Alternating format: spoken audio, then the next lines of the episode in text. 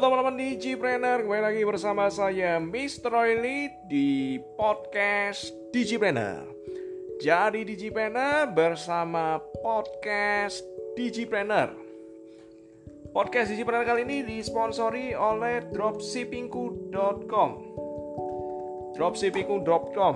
Nah, kita di dropshippingku.com adalah program afiliasi. Jadi teman-teman bisa belajar ada pelatihan workshop online dua hari lewat online. Jadi diajarkan tentang bisnis online diajarkan tentang jualan online dan bahkan kita sediain langsung belasan produk laris yang sudah kita riset ya. Jadi teman-teman yang ingin menjadi seorang digital entrepreneur sekarang bisa langsung daftar di workshop online dua hari di dropshippingku.com pelatihan dua hari berbisnis online. Jadi teman-teman yang masih bingung jualannya, jualan apa, mau dapat penghasilan besar dari internet tapi nggak tahu caranya, teman-teman tinggal akses saja dropshippingku.com.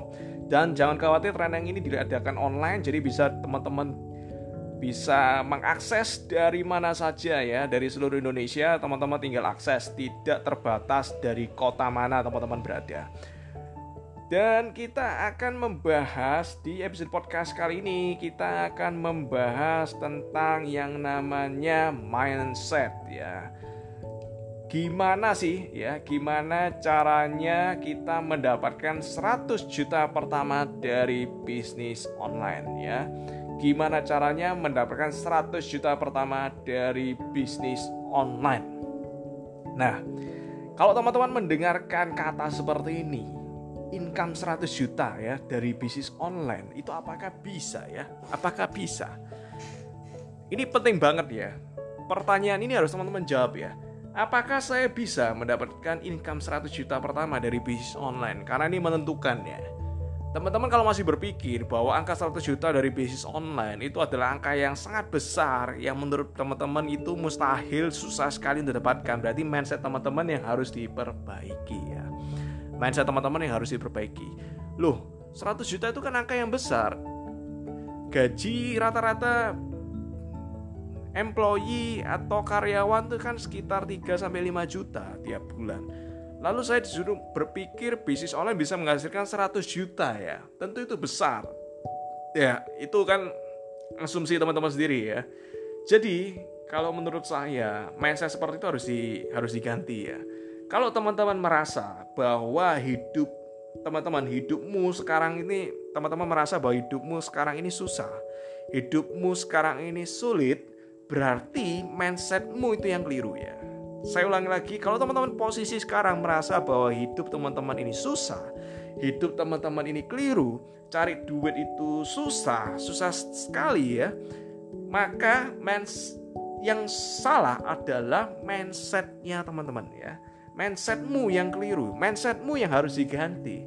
Jadi sebelum kita beberkan strategi cara mendapatkan rahasia 100 juta pertama dari bisnis online, hal pertama yang harus teman-teman perbaiki adalah mindset. Saya ulangi lagi, sebelum kita membahas lebih jauh tentang strategi mendapatkan 100 juta pertama dari bisnis online, rahasia teknis cara-caranya step by stepnya. Hal pertama hal utama yang perlu teman-teman harus pelajari yang perlu teman-teman harus lakukan adalah memperbaiki mindsetnya teman-teman.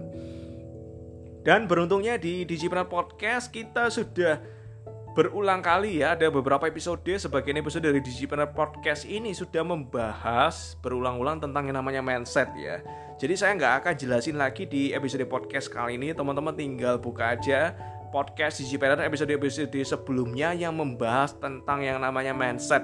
Dan saya harapkan teman-teman ketika mendengarkan podcast Digipreneur, ketika ada poin-poin penting yang menurut teman-teman harus teman-teman pahami, harus teman-teman lakukan, harus teman-teman analisa saya harap teman-teman mencatatnya ya. Poin-poin penting itu harap dicatat. Entah itu di catatan teman-teman di agenda teman-teman atau di HP-nya teman-teman. Yang penting harus dicatat. Kenapa? Karena dengan kita mencatat itu tingkat penyerapan kita itu meningkat ya. Meningkat jadi 90% ya. Kalau teman-teman cuma mendengarkan doang oh ini bagus. Oh ternyata seperti ini.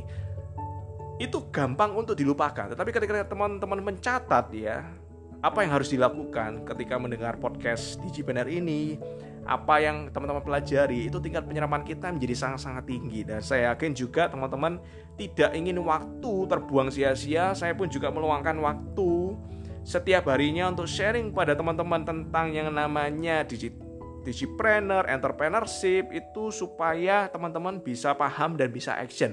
Karena hanya action lah yang merubah hidup kita. Pemahaman tidak merubah hidup kita. Sukses selalu buat teman-teman. Salam Digipreneur.